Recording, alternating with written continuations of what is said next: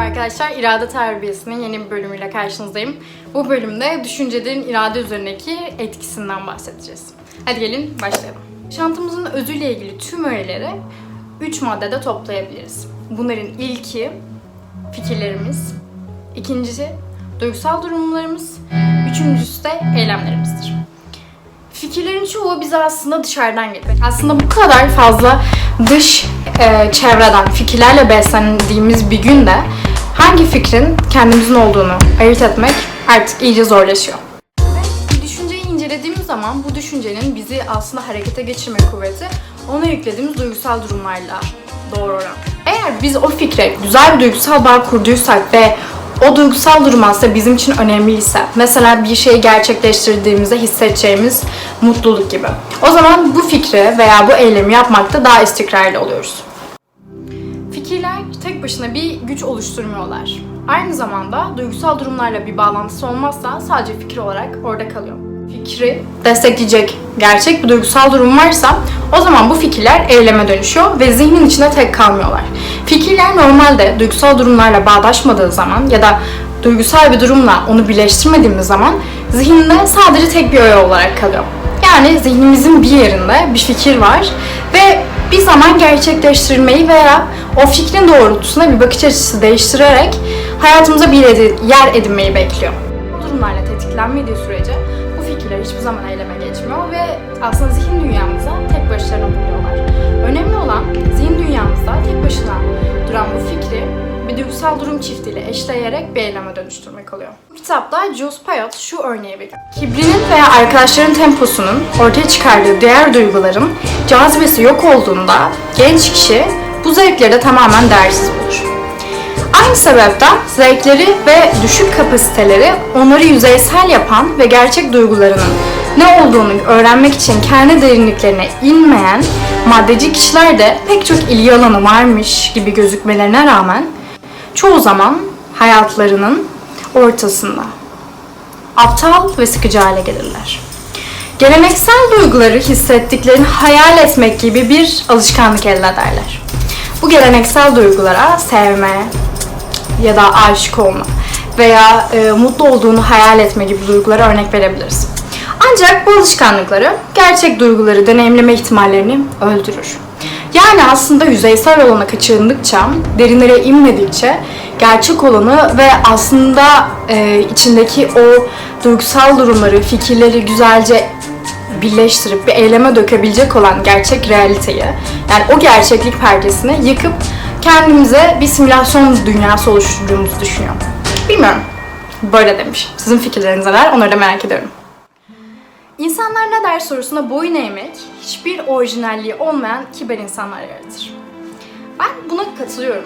Bir insan e, hep kendi dışındaki insanları düşünüp o ne der bu ne der diye yaptığı zaman bir genel kalıba uyan ve aslında bir orijinallikten uzak, yargılanmaya kapalı bir şekilde bir benlik oluşturmuş bir insana dönüştüğünü düşünüyorum. Neredeyse her insan kararlarını kendisi verdiğini sanar. Kararlar neredeyse her zaman eğilimlerimiz doğrultusunda yapılır. Bilinçli irade ile verdiğimizi sandığımız kararlarda aklın egemenliğinde verdiğimiz verdiğimizi sandığımız kararlar eğilimlerimiz doğrultusunda çoktan yolu çizilmiştir.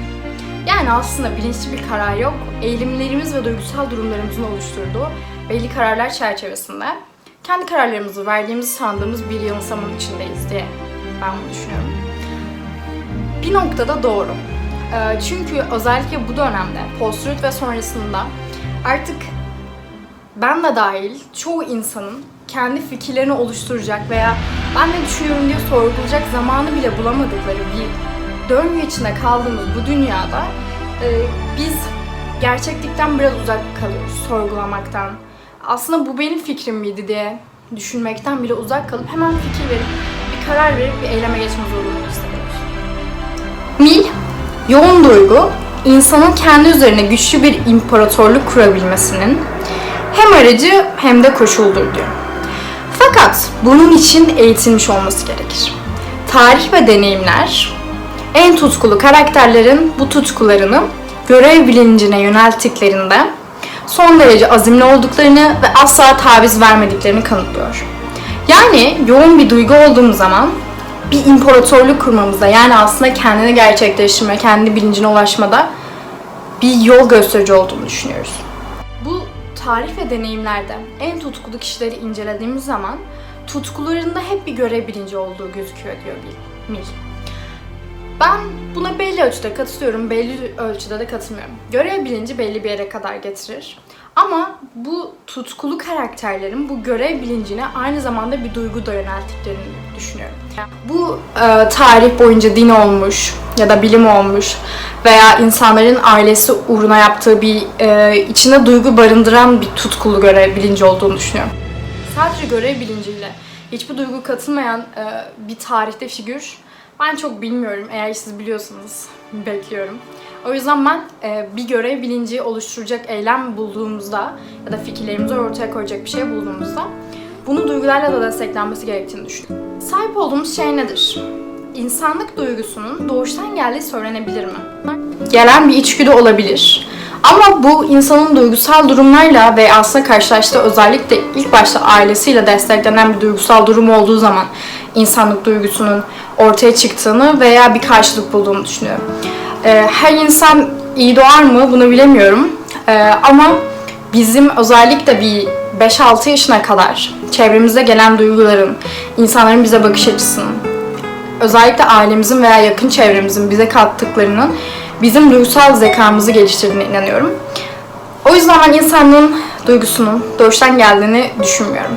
Aklın asıl rolü bence kişinin kendi doğrularına veya kendi oluşturduğu fikir yapısına göre erdemli bir şekilde yaşamasına müsaade eden kararlar alması olarak düşünüyorum.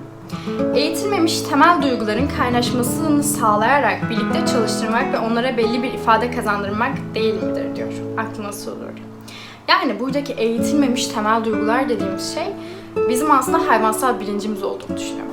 Hayvansal bilincimizdeki şeylerin, hayvansal bilincimizde aslında düşünmeden veya içgüdülerimize göre yaptığımız şeylerin kaynaşmasını sağlayarak onları bir belli bir ifade, belli bir doğruluk, belli bir aslında akıl süzgecinden geçirip e, bunun hani mantıklı bir karar vermesini sağlamak olduğunu düşünüyorum.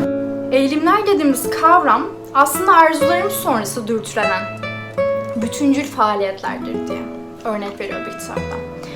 Yani aslında arzularımız bizi belli bir şeylere gidiyor. Şunu yapayım, bunu yapayım. Ya da işte e, belki de aslında genel normlara göre kabul edilmeyecek şeyleri yapmak için bir e, arzu hissediyoruz.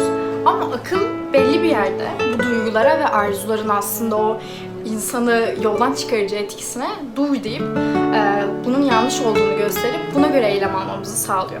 Bütün arzuların ve tutkuların ilk etkisi kendini meşru göstermek için aklı yoldan çıkarmaktır. Aslında tüm arzularımız böyle başlamıyor mu? Adem'le Havva eğer e, bu anlatılan mit doğruysa küçük bir fısıldama, küçük bir em, acaba, küçük bir fikrin, arzunun engellenememesi sonucunda yasaklı elmayı yemedi mi? Peki bu yasaklı elma bizim için aslında bir sembolse, insanlığın düşüncesine ve arzuların takip etmesinde bakın siz bu şekilde aklın egemenliğine, yol göstericine inanmazsanız belli bir şeyde yoldan çıkma denilen kavramı din olarak veya mit olarak yaparsınız demenin bir sembolik gösterimi olamaz mı? Bilmiyorum. Ben belli bir ölçüde bu şekilde düşünüyorum. Çünkü dinde veya aslında farklı tarihi yapılardaki hep insanların zaten hikaye anlatıcı sembollere dayandığını ve insanlığın aslında öğrenme yolunun sembollerle, hikayelerle anlatma olduğunu düşünüyorum. Dolayısıyla da bu şekilde hikayelere yaklaşırken aslında bunun da yaratılışımızı anlamada bir sembol olduğunu düşünüyorum. Peki siz ne düşünüyorsunuz? Adem'le Havva'nın elmasını yemesi bir sembol müydü? Yani bizim aklımızın üzerine egemenlik kurmamızı nasıl bir bakış açısıyla bakmamız gerektiğini gösteren bir sembol müydü? Yoksa sadece sıradan bir şey miydi? Daha fazla bölümde görüşmek için kanalıma takip etmeyi ve bu videoyu beğenmeyi unutmayın. Bir dahaki bölümde görüşürüz.